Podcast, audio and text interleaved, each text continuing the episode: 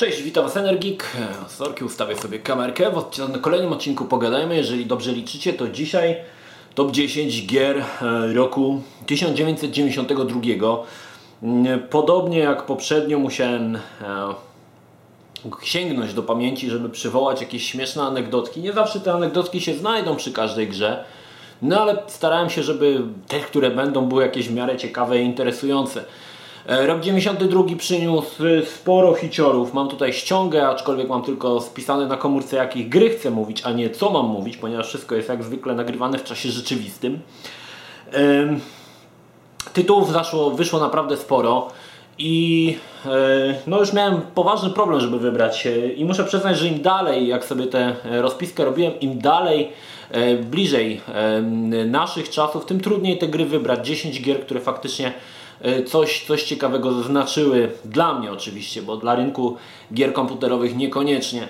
Dobra, słuchajcie, e, żeby nie przedłużać, pierwszą grą, o której na razie Wam tytuł nie powiem, ale jest ku temu pewien powód, ponieważ w samą grę e, zagraliśmy gdzieś tydzień, dwa tygodnie zanim ta gra stała się popularna dzięki magazynom komputerowym, takim jak Top Secret i Secret Service. Także to było zanim ta gra jakby wskoczyła na taki pantałek i stała się znana. Pamiętam, że Arek przyniósł tą e, grę z giełdy, czy od kogo się pożyczył, no i z rekomendacją, że coś jak Street Fighter, ale lepsze. Ja tak popatrzyłem na te dyskietki, tytuł jakiś taki bzdurny, Mortal Kombat było napisane. Mówię, co, co jakieś to lepsze od Street Fightera? Niemożliwe. No i oczywiście zaraz zebrała się cała loża szyderców, czyli ja, Arek i Zbylu, no i żeśmy u Arka w tą grę zaczęli grać. E, pierwsze odpalenie tej gry i porównanie przeciwnie fighterów, którzy się znajdowali było łe, jakieś oszołomy, jakieś lipne te postacie, ale mina nam zrzedła już po pierwszej walce, gdy polała się pierwsza krew, popłynęły strugi krwi, które zostawały na ziemi, wtedy wszystko się zmieniło.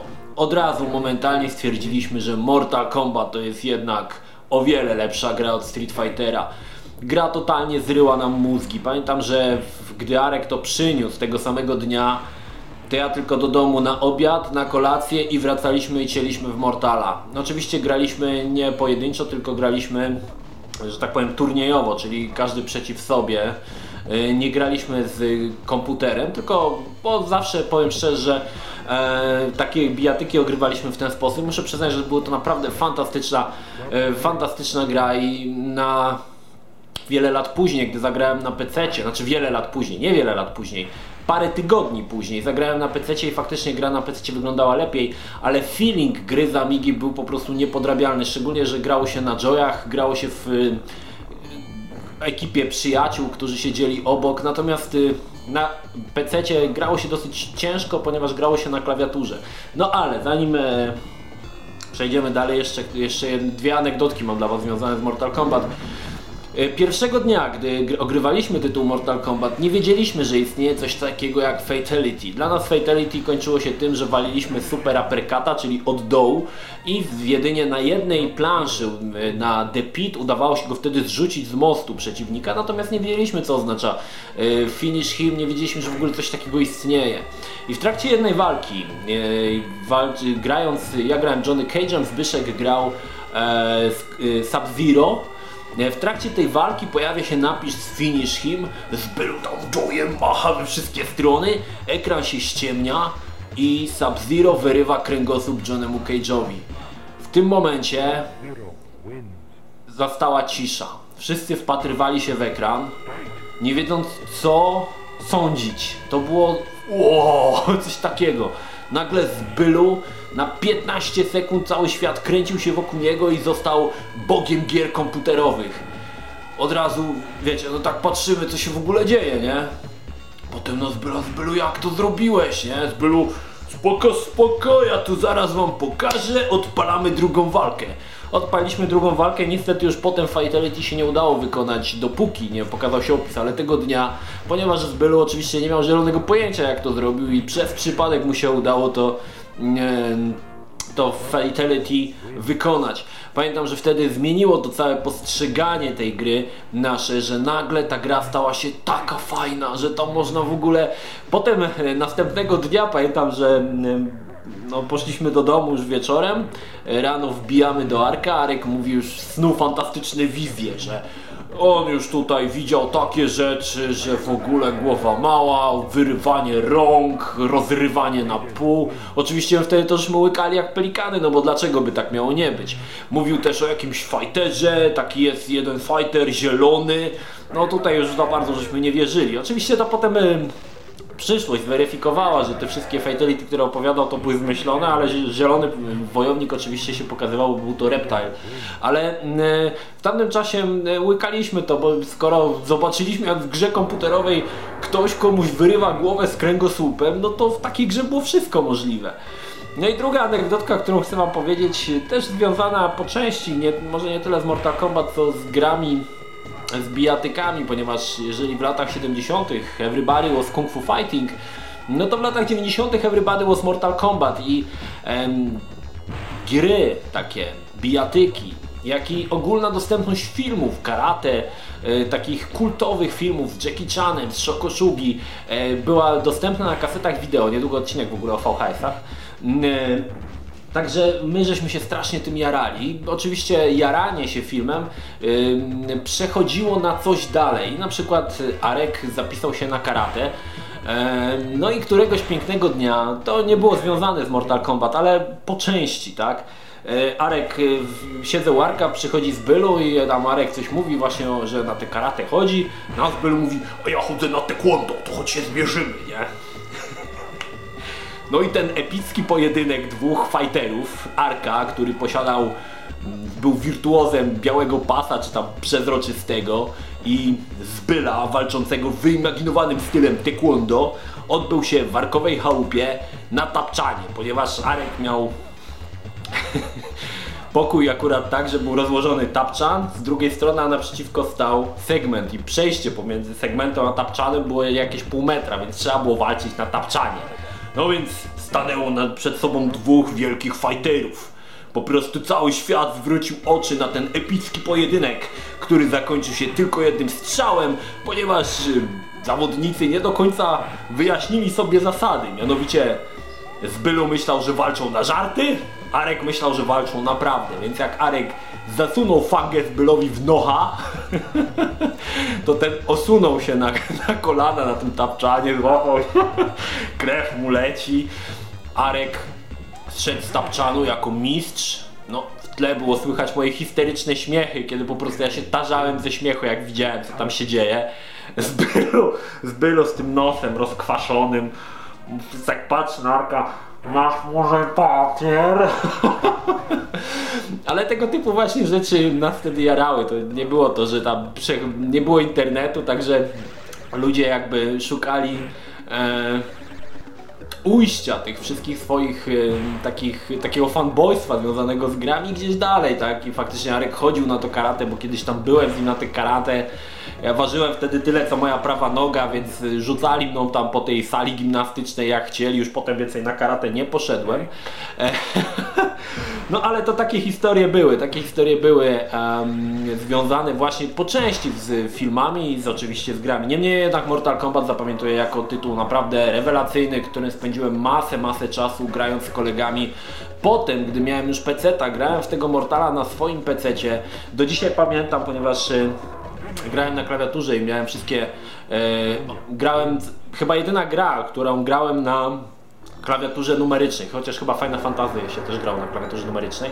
I miałem jakoś tak rozpisane te ciosy, że grając w Mortala u kolegi ostatnio, w tego ostatniego Mortala, w, w dziewiątkę, automatycznie ustawiłem sobie też te e, klawisze tak jak miałem na moim pierwszym Mortalu. I tak na przykład, bo pamiętałem po prostu sekwencję klawiszy, że na przykład Sub-Zero, żeby wykonało Fatality trzeba nacisnąć 6269, czy tam e, Johnny Cage 6669 i to dzięki temu oczywiście pamiętałem, dzisiaj grając w Mortal Kombat po tylu latach, słuchajcie, nadal te ciosy pamiętam, nadal ustawiając sobie tak samo klawisze jak wtedy, nadal te ciosy, nie muszę patrzeć w rozpiskę, te wszystkie ciosy dla wszystkich wojowników, praktycznie pamiętam wszystkie i to jest w ogóle po prostu chore. No niemniej jednak tak wyglądał Mortal Kombat. Drugą grą, którą Wam opowiem jest Dune 2. Dune 2, który był pierwszą grą e, z serii, serii właściwie z gatunku RTS, czyli Real-Time Strategy. Pierwsza część Duny e, była taką grą e, lekko przygodową. Była ona na podstawie filmu, filmu, który oglądałem w latach 90., aczkolwiek muszę przyznać, że film mi się nie do końca podobał, ponieważ ja go za bardzo nie rozumiałem. Powiem szczerze, że byłem wtedy za mały, żeby, żeby rozkminiać o co chodzi z tą przyprawą, coś tam. Film był ogólnie strasznie przegadany i jakoś tak, jakoś tak nie trafił do mnie. I pierwsza część Duny jakoś tak grałem, skończyłem, ale jakoś nie miałem y, ku temu jakichś większych takich, wiecie, wspominek. Natomiast część druga w pewien sposób na początku omijałem tą część. Myślałem, że to jest właśnie podobnie jak Dune pierwszy, taka gra przygodowa, która nie, nie do końca mi się podobała. No i pamiętam, że w końcu w którymś momencie ta Duna do mnie trafiła. E, I przyznam szczerze, że byłem zaskoczony.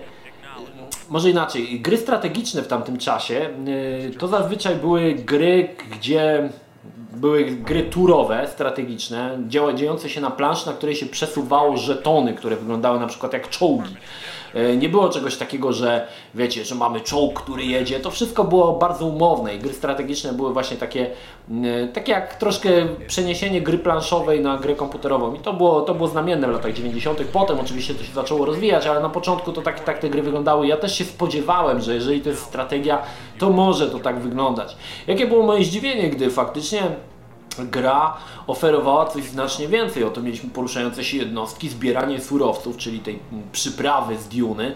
E, no i to była taka strategia w czasie rzeczywistym. To było nowość, to było coś, czego jeszcze nie było i faktycznie gra niesamowicie wciągała. Chociaż ja nie przepadałem za tymi strategiami takimi e, staroszkolnymi, to tutaj strasznie mnie ta gra wciągnęła. Pamiętam, że całą kampanię skończyłem Harkonnenami, ponieważ oni mieli takie fajne e, jednostki, które potrafiły eksplodować na przykład. One, jeżeli można było chyba popełnić samobójstwo i ten statek eksplodował, jeżeli w pobliżu budynku, to budynek wy, wybuchał.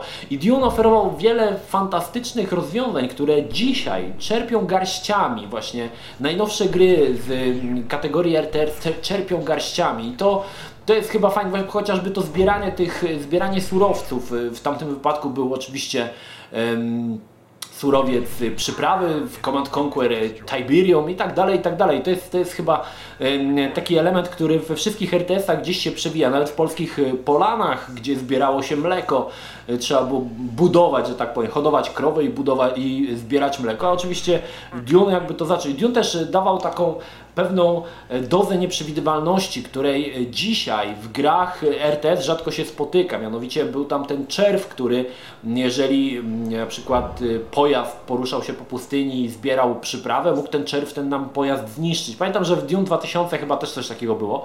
Niemniej jednak wiele fajnych elementów, ale jeden wkurzający element, mianowicie żeby zbudować budynek na planecie Arrakis, trzeba było stworzyć takie podkłady betonowe i dopiero na tych podkładach można było budować budynek. Oczywiście miało to podłoże, e, że tak powiem, wyjaśniające, no bo trudno, żeby budynek stał na piasku, tak? Oczywiście te podłoża były takie stabilne, można było na tych, ale pamiętam, że strasznie mnie to wkurzało, że najpierw trzeba było to ustawiać, te palety i dopiero ten budynek. Niemniej jednak e, Dune spędziłem masę, masę czasu, skończyłem tylko i wyłącznie e, Harkonnenami, którzy jakoś najbardziej mnie przekonywali do siebie swoimi jednostkami. Pamiętam, że one były takie krwisto-czerwone czerwonej, to, to też jakoś do mnie, do mnie trafiało. Byli jeszcze chyba Trydzi i jeszcze jakiś jeden ród, którego już niestety nie pomnę. Niemniej jednak Dune taka pamiątka właściwie pierwszego RTS-a w jaki grałem, to potem oczywiście się rozwinęło, tam Command Conquer się pojawił, Warcraft i te inne, inne y, permutacje tego, tego podstawowego RTS-a Dune, ale niemniej jednak uważam, że jest to tytuł warty, warty wspomnienia. Kolejną grą, którą dla Was przygotowałem jest polska produkcja, polska produkcja Electro Body. E, pamiętam, że pierwszy raz e, zagrałem e, w Electrobody u mojego kolegi Marcina, który jako jedyny z moich znajomych posiadał PC-ta. Aczkolwiek miał jakiegoś słabego tylko PC-ta, bo był to 286. Niemniej jednak Electrobody było taką grą, w ogóle, że to była gra polska. To było wow. Oczywiście gry polskie pojawiały się i na Atari, i na Commodore, i na Amidze, ale na PC nie było to takie rozbuchane poza Elektrobady była jeszcze taka gra o skrzacie, nie pamiętam jak to się nazywało, Herd coś tam. tej samej firmy. Potem pojawił się oczywiście Robbo. E, ale na PC tych tajemnice statuetki, oczywiście Teen Agent, ale mm, gry polskie na PC raczej były niespotykane. I pamiętam, że przyszedłem do mm, Marcina, Marcin odpala tą grę i chodzi się takim ludkiem, który wygląda troszkę jak Robocop. Pamiętam, że gra była na jednej dyskietce i aby ją uruchomić y, nie było kraka, więc Marcin miał po prostu skserowaną instrukcję do tej gry, bo tam chyba było tak, że trzeba było podać jakiś yy, słowo z instrukcji, czy literę, coś takiego. I oczywiście, jeżeli pożyczał tą grę, no to ja też musiałem sobie tą instrukcję skserować, żeby móc to grać. Electrobody było taką typową strzelniką, w której idziemy nie tylko w prawo, ale i w lewo. Yy, właściwie szukając tylko wyjścia. Nie wiem, jaka, jaki gra miała właściwie cel, ale pamiętam, że z Marcinem doszliśmy bardzo daleko. Yy, na każdym poziomie dostawało się coraz nowszą broń, chyba żeśmy doszli do dziewiątego poziomu. Pamiętam, że yy, może to była wina pirackiej wersji, a może naszej niewiedzy, nie umieliśmy tej gry zasejwować. Pamiętam, że przy naciśnięciu jakiegoś klawisza w lewym górnym rogu pojawiała się symbol dyskietki, który prawdopodobnie mówił, że gra się zapisuje, czyli że powstaje save, ale nigdy tego save'a nie umieliśmy potem uruchomić, także gra za każdym razem, żeśmy grali w nią od nowa. Muszę przyznać, że grałem w nią bardzo dużo. Nie była to może jakaś porywająca produkcja, która graficznie y, niszczyła system. Y, mówię, bohater był wzorowany na Robocopie, posiadał kalesony w pionowe pasy, które tak średnio wyglądały.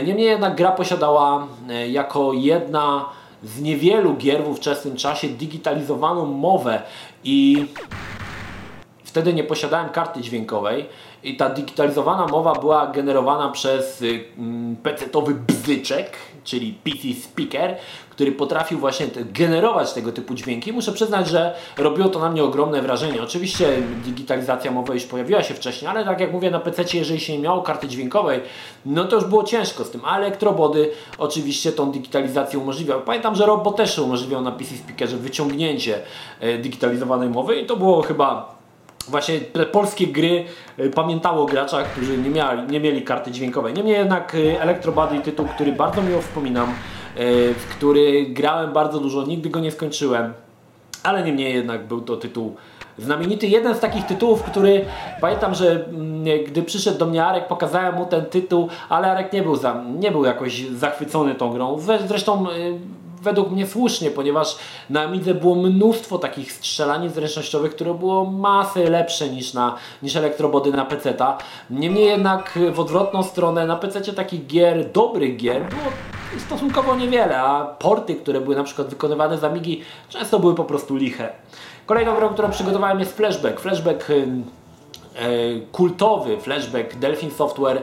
E, pamiętam, że początkowo myśleliśmy, że Flashback jest drugą częścią Another World. Jednakże to szybko żeśmy zweryfikowali, że i bohater inny, że i zupełnie się gdzie indziej dzieje, aczkolwiek miał, obydwie gry miały pewne elementy wspólne, m.in. rewelacyjne intra generowane w czasie rzeczywistym w grafice wektorowej.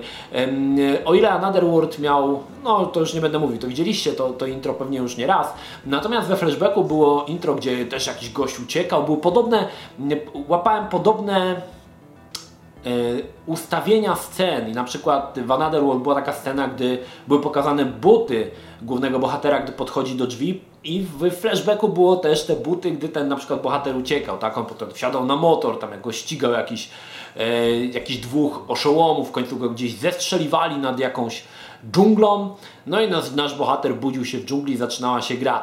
E, we flashbacka graliśmy u Arka, mm, ponieważ... Nie miałem tego na PC. Później, dopiero później miałem to na PC, ale niemniej na, na początku graliśmy na Amidze. Jakoś muszę przyznać, że ta Amigowa wersja w mojej pamięci zapisała się jako, jako tytuł um, o wiele lepszy niż ta wersja PC-towa. Przede wszystkim animacja. Animacja głównego bohatera, Konrada, który po prostu miał niesamowitą tą animację. Pamiętam, że ze Zbylem, jak żeśmy u Arka siedzieli, to żeśmy mogli w nieskończoność oglądać, jak on z zapazuchy wyciąga tego gnata, jak idzie krok do przodu, jak się turla, jak strzela. To wszystko było dopracowane do najmniejszych, w najmniejszych detalach i to robiło naprawdę potężne wrażenie e, na mnie. I ten flashback e, zapisał się w mojej pamięci właśnie jako taki tytuł e, z rewelacyjną animacją pamiętam, że to było nie to, że ja się tym jarałem, wszyscy żeśmy się tym jarali. I takie sceny, gdy na przykład przez 3 minuty patrzyliśmy jak chowa i wyciąga broń za pazuchy, nie były niczym, niczym dziwnym. My po prostu tym żeśmy się jarali, chłonęliśmy cały ten, e, całą tą otoczkę całej tej gry.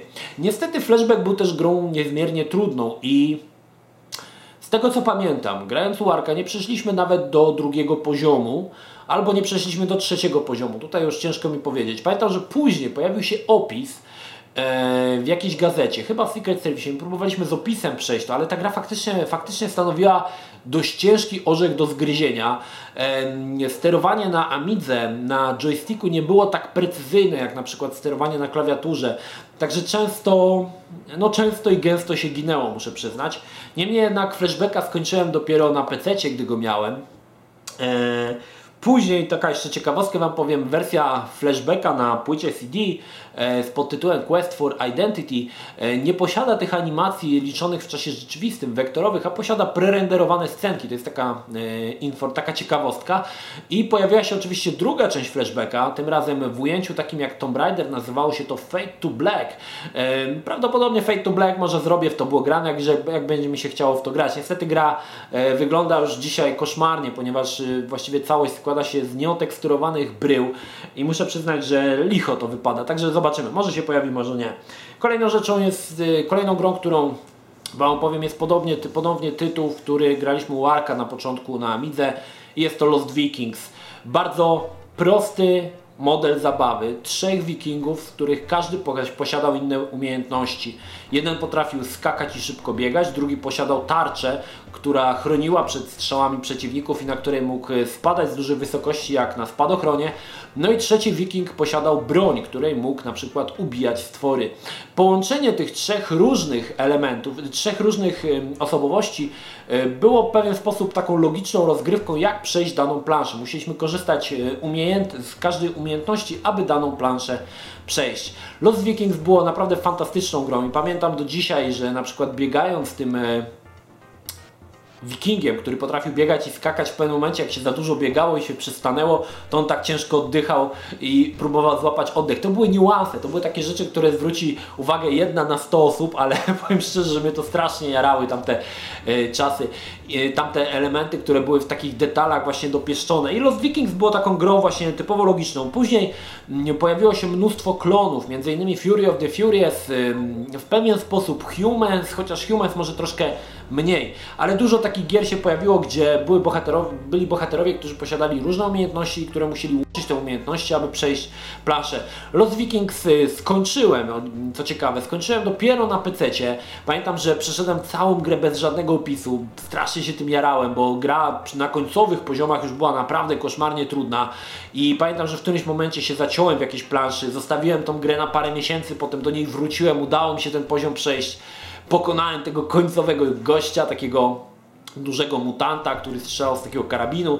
No i koniec końców e, Lost Wikingów mogłem spokojnie odłożyć. Niemniej jednak mi bardzo miło wspominam, plansze były naprawdę ciekawie zrealizowane i pomysłowo, że każda plansza niosła ze sobą jakieś nowe mm, e, nowy pomysł na siebie. Oczywiście umiejętności naszych wikingów się nie zmieniały, aczkolwiek trzeba było je wykorzystywać w różny inny sposób, żeby to można było przejść i to było właśnie właśnie fajne. Wiele lat później pojawiła się gra Lost Vikings 2, niestety już nie miała tego um, powera co część pierwsza. Pierwsza część miała grafikę rysowaną, druga już miała prerenderowane y, postaci. Niestety nie do końca mi się to spodobało i Lost Vikings 2 raczej uznaję jako no, jako dosyć potężny chłam. Dalej mamy kolejną grę, którą ponownie grałem na Midze. Dużo tych gier na Midze, ale w tamtym czasie, gdy PC dopiero zaczynał rozwijać skrzydła, dużo graliśmy na Amidze i ponownie wracamy do mojego kolegi Arka, tym razem z grą Pinball Dreams. Pamiętam, że Arek e, zadzwonił do mnie, czy przyszedł i mówi, że ma pinballa, nie, że ma bilarda. Bilard w tamtym czasie kojarzył mi się jako bilard, wiecie, z kijkiem i e, takim pulem. Więc mówię spoko, nie, Arek jakoś mówię nie za bardzo, ale Arek zaczął snuć fantastyczne wizje, że tam jest super muza, że są cztery stoły, że tam stół jest z jakimś, z jakimś klaunem. Ja tak słucham, mówię, no to w ogóle ten bilard, taki stół ze stołem. Mówię, dobra, nie? Mówię, poszedłem do niego, mówię, odpala tą grę. No i Pinball Dreams okazał się po prostu zwykłym fliperem, a nie bilardem. I muszę przyznać, że w tamtym czasie zrobiło to na mnie ogromne wrażenie. Była to gra, która wciągała, niesamowicie wciągała za sprawą rewelacyjnej muzyki. E, w pewien sposób e, było to później e, taką metką serii, że posiadała, każda część posiadała nieziemską muzykę. I w pinbole zagrywałem się po prostu do upadłego. Na początku grałem w Pinball Dreams Warka, później miałem tą wersję na PC, ale ona nie była taka dobra jak wersja amigowa. Nie wiem, coś tam nie grało do końca. Pojawił się Pinball Fantasies, Pinball Dreams 2, Pinball Illusions, które chyba najmilej wspominam i e, stół Viking, który jest po prostu niesamowity. Zresztą zaraz Wam opowiem jeszcze o Pinball Illusions. Niemniej jednak graliśmy w te pinbole mnóstwo czasu i tutaj kolejna ciekawostka. Kolejna ciekawostka, ponieważ e, właścicielem najwyższego wyniku w Pinball Dreams, jakiego znam, jest Zbylu. Co dziwne. Przychodzę kiedyś do Zbyla, gdzieś tam mieliśmy iść, nie wiem, czy no, w piłę pograć, czy coś. E, I wychodzimy i się pytam, patrzę, że ma włączoną Amigę i telewizor jest włączony. Mówię, Zbylu, nie wyłączasz komputera? On mówi, nie, nie. A mówię, dlaczego? Bo nabijam wynik na pinballu, nie? Mówię, co? On mi włącza, słuchajcie, tego, ten telewizor i udało mu się zawiesić bile w taki sposób. Chyba to było na e, właśnie stole z e, tym klaunem, cirkus mi się chyba nazywało, że bila odbijała się pomiędzy trzema grzybkami, non stop. I on mówi, że to już trwa wiele godzin, że się tak udało zablokować. Faktycznie tych punktów tam nabija jakieś koszmarne ilości, aczkolwiek za grzybek tych punktów za dużo nie było, więc po prostu zostawiał to na, zostawił tą Amigę, żeby mu ten wynik nabiło. I pamiętam, że on to zostawił na dzień i noc. Ten pinball cały czas, słuchajcie, działał, cały czas nabijał ten wynik i którymś momencie, e, w którymś momencie, gdy e, patrzył, już nie, nie kojarzę jaki to był wynik, ale to był jakiś koszmarnie wysoki wynik, który dla nas, zwyczajnych graczy, którzy próbowaliśmy ugrać taki wynik, był całkowicie niemożliwy do wykonania, a jemu się to udało, dzięki oczywiście oszustwu, właściwie dzięki pewnemu glitchowi w grze. On cały czas się ta bila, słuchajcie, odbijała i koniec końców, e, finał tej historii jest taki, że on chciał wysłać ten wynik ze zdjęciem do Secret Service'u, który umieszczał taki, była taka rubryka High Score, gdzie umieszczał, czy w Top Secrecie, przepraszam, to było w Top Secrecie, gdzie, gdzie umieszczano najwyższe wyniki z danej gry i wziął tam aparat, chciał zrobić zdjęcie, ale z bylu jak to z bylu był pazer, więc chciał tych punktów jak najwięcej trzepać. Koniec końców stało się tak, że wyłączyli prąd i Amiga padła, znaczy no wiadomo, cały wynik padł, nie, ma, nie było tam save'ów i zdjęcia nie zrobił i nie wysłał do Top Secretu, ale faktycznie mogę potwierdzić, że w momencie kiedy ja widziałem ten wynik, był on niesamowicie wysoki, a potem jeszcze, z tego co wiem z Bylu, jeszcze parę godzin się ten wynik nabijał, zanim mu ten prąd wyłączyli w mieszkaniu. Niemniej jednak, oczywiście dzięki pewnemu oszustwowi, no, oszustwu, no ale oczywiście mu się to udało. Yy, kolejna gra, poczekajcie, raz, dwa, trzy, cztery, pięć, sześć, siedem, osiem, dziewięć, to już jest y, siódma. Siódma gra, ciężko powiedzieć, że jest to gra. To była, to był e, w pewien sposób taka minigierka dla dzieci, to się nazywało Pat Pat Joins the Parade. Pat Pat był takim bohaterem, był to taki samochodzik z oczkami, e, który był pokazany w takiej bajkowej scenerii, można było różne elementy w tej scenerii klikać i to była taka typowa gra dla dzieci. Dlaczego o tym wspominam? Zaraz się, ty, zaraz się dowiecie. Pat mógł e, na przykład jechać do lakiernika, zmienić sobie kolor. Pamiętam, że tam jakiś balonik trzeba było mieć i zwierzaka, żeby móc wziąć udział w paradzie. Cała gra była takim bardzo prostą grą dla dzieci. Jednakże pamiętam, że w latach 90., gdy PadPad się pojawił, byłem w, na giełdzie komputerowej w Łodzi. Pamiętam taką scenę, gdy przed monitorem stoi masa, masa ludzi i patrzą w, tego, w ten monitor jak zauroczeni. Ponieważ y, tutaj Wam jeszcze wyjaśnię o to chodziło, ponieważ na giełdę często piraci, którzy sprzedawali gry, brali swoje komputery, czasami dwa komputery. Jeden komputer był do publiki wyświetlony, odwrócony i tam na przykład zapuszcza jakieś demo albo jakąś grę, no i ona sobie leciała, żeby zainteresowani mogli zobaczyć. I okazało się, że na tym monitorze był odpalony padpad. Wszyscy byli zauroczeni. Przede wszystkim padpad mówił ludzkim głosem. To było niesamowite usłyszeć normalny, digitalizowany głos, nie składający się z jednego słowa, ale z całych zdań na komputerze. Gra miała niesamowitą grafikę, była niesamowicie kolorowa, e, świetnie zanimowana. I to wszystko sprawiało, że po prostu wszyscy patrzyli jak zauroczeni, chociaż to była gra dla dzieci. Było to pierwsze takie doznanie z czymś takim, z czymś tak rewelacyjnie animowanym, z dźwiękiem i to było już takie zbliżenie się do filmów animowanych, do tego do czego gry dążą dzisiaj. Dzisiaj dążą do fotorealizmu, wtedy dążyły, oczywiście nie mogły dążyć do fotorealizmu, dążyły do yy, bardziej, żeby przypominały film animowany. I Pad Pad właśnie, właśnie stanowił taki yy, krok milowy, że, to, że tak powiem. Pamiętam, że Pad Pata miałem, yy, nie wstydzę się tego przyznać, chociaż już byłem stary koń. Gra pojawiła się tylko na, na PC, nie pojawiła się na Amidze. I pamiętam, że gdy Arek do mnie przyszedł, ja już miałem kartę dźwiękową i odpaliłem mu tego padpata, no to chociaż to była gra dla dzieci, muszę przyznać, że każdy, kto widział tą grę, był zauroczony.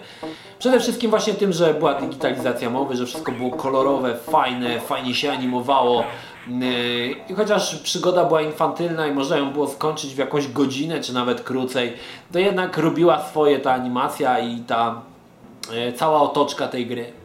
Yy, dzisiaj, przygotowując sobie ten materiał na temat gier, o których chcę Wam powiedzieć, okazało się, że Padpata było parę części. Niestety w, w kolejne już nie grałem. Grałem tylko w tę pierwszą część, Joins the Parade.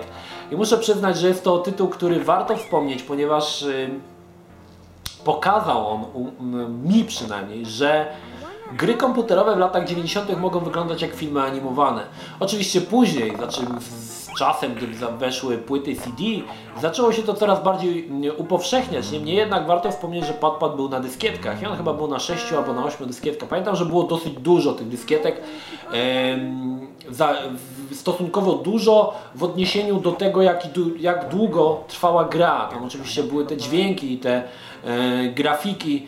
No oczywiście samej gry tam było mało. Niemniej jednak e, musiałem o tym wspomnieć, bo jest to gra, którą do dzisiaj bardzo dobrze pamiętam i którą sprawiła mi masę, masę radości. Kolejną grą, którą chcę Wam powiedzieć jest przygodówka. Jest to pierwsza gra, którą rodzice kupili mi oryginalną.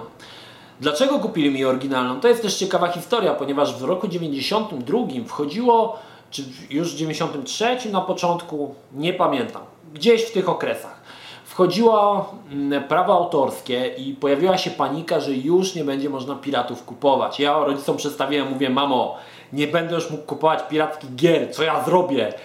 W co będę grał?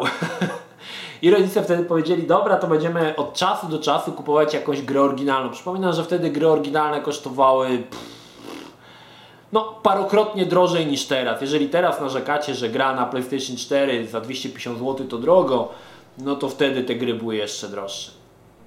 I pamiętam, że Rex Nebulara udało mi się kupić e, w Centralu. To jest taki dom handlowy, który istnieje do dzisiaj. Ciężki, taki perelowski dom handlowy w samym środku Łodzi, bo on jest e, całkowicie w śródmieściu na ym, przecięciu ulicy Piotrkowskiej. No zresztą nieważne gdzie, to jak ktoś nie mieszka w Łodzi, to nie wie. Niemniej jednak Centralu. Pamiętam, że Rex Nebular był na dyskietkach.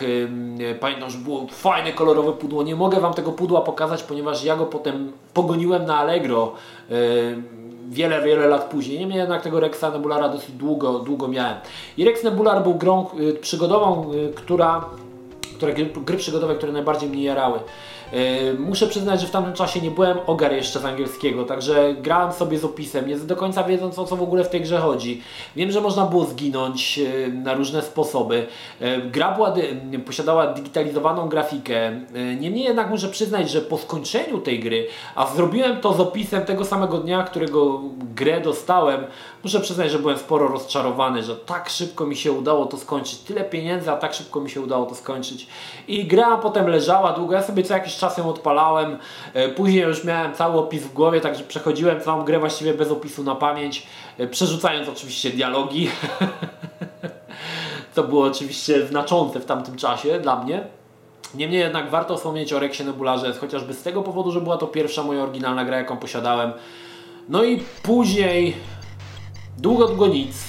Później, później miałem Robbo oryginalne, które też pogoniłem na Allegro. Miałem oryginalne tajemnice statuetki, które też znalazło kupca na Allegro. Niestety tych gier dzisiaj nie mam, a szkoda. No niemniej jednak to tyle. Kolejna gra, której chciałem wspomnieć i ponownie Amiga. Ponownie Amiga jest to tytuł, który zmienił postrzeganie piły nożnej. Jest to Sensible Soccer. Gra, która posiadała bardzo ubogą grafikę. Piłkarze składali się z parunastu pikseli, ale była tak niesamowicie miodna. Nie mogę powiedzieć, że temat Sensible Soccer był nowy, ponieważ w latach 90 czy w latach 80. pojawiła się na, Komo Commodore taka gra, która się nazywała Microprose Soccer i ona była w pewien sposób podobna, znaczy Sensible Soccer był w pewien sposób podobny do Microprose Soccer. Przede wszystkim Sensible Soccer był bardzo dynamiczny. Mm, to nie jest gra, tak jak widziałem ostatnio gameplay z FIFA 14, gdzie skonstruowanie akcji, przejście z jednej połowy do, do, drugiej połowy boiska chwilę trwa. Sensible Soccer był bardzo szybki. No i przede wszystkim to, z czego zasłynęła gra, to strzelanie bananów, czyli podkręcanie piły. Mianowicie strzelając y, piłkarzem, można było przesunąć joystick w prawo i wtedy piła leciała po łuku, y, czyli podkręcało się piłkę. I nowość, niesamowita nowość, która się pojawiła w Sensible Soccer, to to, że piłka nie trzymała się nogi. W większości gier piłkarskich z tamtych czasów, biegnąc mm, zawodnikiem, piłka kleiła się do nogi. Mogłeś cofać, robić wszystko, a piłka cały czas zostawała przy nodze piłkarza. Sensible Soccer to zmienił. Biegnąc do góry z piłką, jeżeli odwróciłeś się, pobiegłeś w dół, piłka toczyła się dalej do góry. To było, no, to było dosyć nowe i dopatruje się w tym pewnego takiego sukcesu tej e, piły.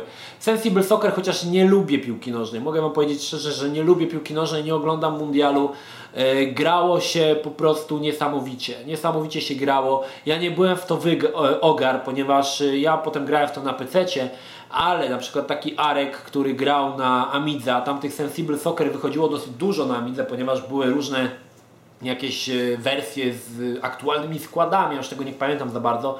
Arek to w to wymiatał i co do niego przychodziłem, to on tłukł tego Sensible Soccer non-stop i ciężko się dziwić, bo gra była naprawdę dobra, naprawdę dobra i e, podejrzewam, że premiera Sensible Soccer przyczyniła się też do takiej popularności grania na, w piłę na e, boisku. Pamiętam, że wtedy właśnie najczęściej grałem w piłę na boisku właśnie w tym czasie, kiedy żeśmy cieli w tego Sensible Soccer. Niemniej jednak tytuł dzisiaj troszkę zapomniany, aczkolwiek warto sobie go włączyć, porównać jak wygląda z FIFA, która stawia na realizm. Sensible Soccer nie miał w ogóle realizmu. Tak jak mówię, postacie wyglądały jak zlepek pikseli, trochę jak lemingi, ale niesamowita miodność, dynamizm tej gry i e, niesamowita satysfakcja ze strzelonej bramy powodowała, że naprawdę gra była warta uwagi. Sensible Soccer, zasłużone miejsce top 10. No i ostatnia gra, ostatnia gra, e, o której Wam powiem, to Wolfenstein 3D, chociaż w tamtym czasie znałem ją pod nazwą Wolf 3D. Ciekawa historia z Wolfensteinem, ponieważ y, grę przyniósł do domu mój tata. I ponieważ u ojca w pracy ktoś tam na praktykę Sorki, akurat listonosz przyszedł. No i słuchajcie, Wolfa przyniósł mi mój ojciec, ponieważ u niego w pracy ktoś posiadał peceta, jakiś gościu na praktykach i przyniósł jakąś grę do pracy, żeby oni sobie w pracy zobaczyli, ponieważ w pracy też mieli pecety. Mój ojciec jest diagnostą samochodowym i wykonuje przeglądy. No i słuchajcie, Pierwszego dnia ojciec zapomniał mi tej gry przynieść. Ja się cały czas dopytywałem, co to za gra, bo on mówi, że taka fajna ta gra, że w ogóle głowa mała, nie? Ja się pytam, no a dobra, ale co to jest za gra? I ojciec mówi, że strzela się do Niemców, ale chodzi się oczami, nie? mówię, jak to się chodzi oczami? No chodzisz oczami i strzelasz do Niemców i otwierasz drzwi i tam są Niemcy i są psy i strzelasz do nich, ale chodzisz oczami, nie? Mój ojciec nie był za bardzo ogarnięty z grami komputerowymi, więc ja potem całą noc spałem, nie mogłem zasnąć, bo jak to się chodzi oczami? Mówię, o co tu chodzi, nie? No i oczywiście następnego dnia tata przyniósł mi tą grę. I pierwsze uruchomienie i muszę przyznać, że odpadłem. Czegoś takiego jeszcze nigdy nie było. Gra była pierwszym FPS-em, takim typowym FPS-em na rynku gier komputerowych, e, gdzie chodziło się faktycznie oczami. W tamtym czasie mówiło się tak, że się chodzi oczami, się strzela do Niemców. Pierwsze co po odpaleniu gry, telefon, Arek z Bylu u mnie za 5 minut, zapraszam. I pamiętam, że jak im pokazałem to, to oni odpadli. Więc następna giełda, pojechaliśmy wszyscy i Arek ze Zbylem chodzili po, po tych y, piratach i czy jest Wolf 3D, czy jest Wolf 3D, ale Wolfa 3D nie było niestety, ponieważ nie pojawił się on nigdy na Amidze. Niemniej jednak był to, była to pierwsza taka gra, którą mogę śmiało powiedzieć, że amigowcy zazdrościli mi e, wręcz chorobliwie. I pierwszy Wolfenstein, w którego grałem, był tak naprawdę wersją niepełną. Był to tak zwany shareware. Dzisiaj, e, termin, dzisiaj gry, czy też programy, gry właściwie, shareware to e, już się nie pojawiają. To jest taka, taki trochę archaizm. E, gry shareware e, oferowały na przykład nie tak jak demo, że pograsz sobie, nie wiem, jeden poziom, tylko na przykład shareware e, Wolfa oferował cały chapter.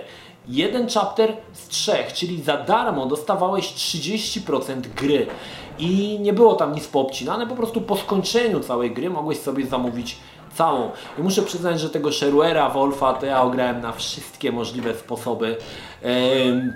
Wszystko zwiedzałem, po prostu pamiętam, że w Top Secrecie pojawiały się nawet mapy do tego jak przejść Wolfa, ponieważ Wolf miał też y, to do siebie, że był em, grą taką z takimi, nale... dzisiaj, się, dzisiaj byśmy powiedzieli, że naleciałości, ale on to wymyślił, że tak powiem. I tam były klucze różne i trzy sposoby uzbrojenia. Był handgun, był MP40, potem pojawiło się dzieło Gatlinga, byli różni Niemcy. E, no i to muszę przyznać, że sprawiało masę, masę frajdy. E, pamiętam, że na początku, gdy grę się uruchamiało, gra sama wykrywała, jaki był procesor w e, komputerze i chyba ile pamięci podświetlało się na przykład, że masz 386. Gra naprawdę fantastyczna. Dzisiaj oczywiście to jest gra, której nie polecam, bo ona wygląda po prostu strasznie. Aczkolwiek nadal Wolfem możemy się cieszyć chociażby za sprawą e, New Order i tam w New Order w momencie kiedy położycie się spać pomiędzy misjami, odpali Wam się ten klasyczny Wolf, aczkolwiek nie do końca, ponieważ e, będziecie sterować tym e, Blaskowiczem z New Order, ale plansze całe będą z tego właśnie klasycznego Wolfa, niesamowity ukłon stronę fanów. Niemniej jednak Wolf był grą, która zapoczątkowała gry z oczu. I pamiętam, że amigowców to wtedy po prostu skręcało, kiedy zaczęły pojawiać się coraz lepsze tytuły, chociażby Doom, e, który po prostu miażdżył, ale o Dumie Wam i powiem jeszcze i o Dumie i o ym, o Dumie i o niesamowitym emulatorze PC-a na Amigę i naszych próbach uruchomienia Duma na Amidze, to już kiedy, kiedykolwiek Kiedyś indziej Wam powiem. Niemniej jednak Wolf zmienił postrzeganie. Nagle stało się możliwe, stało się... E, znaczy może inaczej, zmienił mechanikę gry, dodał nową mechanikę, której jeszcze nie było i to chyba po prostu zawojowało świat w tamtym czasie i Wolfa grali wszyscy, oczywiście ci co mieli PC, amigowcy to mogli jedynie się oblizać. E, niemniej jednak e, Wolf zasłużone miejsce w top 10 i niesamowita wspominka. Jeżeli Was interesuje historia gier FPS, gdy nagrywałem dla radia, Gierem Radio, są tam moje trzy podcasty na temat gier FPP właściwie, historii gier FPP możecie sobie posłuchać i posłuchać też historii Wolfa, która jest identyczna z tą, o której Wam powiedziałem, ponieważ no historia się oczywiście nie zmienia. Słuchajcie, to było top 10 gier roku 92. Mam nadzieję, że Wam się podobało, że Wam podobały się anegdotki, różne historie. No i oczywiście w przyszłym pogadajmy coś innego i za dwa odcinki, kolejny odcinek pogadajmy, aczkolwiek zobaczymy. Jeżeli będzie tendencja spadkowa w oglądaniu, no to już nie będę tego robił, ponieważ zajmuje to dosyć sporo czasu przygotowanie takiego materiału. To tyle. Pozdrawiam Was Energii, trzymajcie się do następnego. Cześć. Do do do do do do do do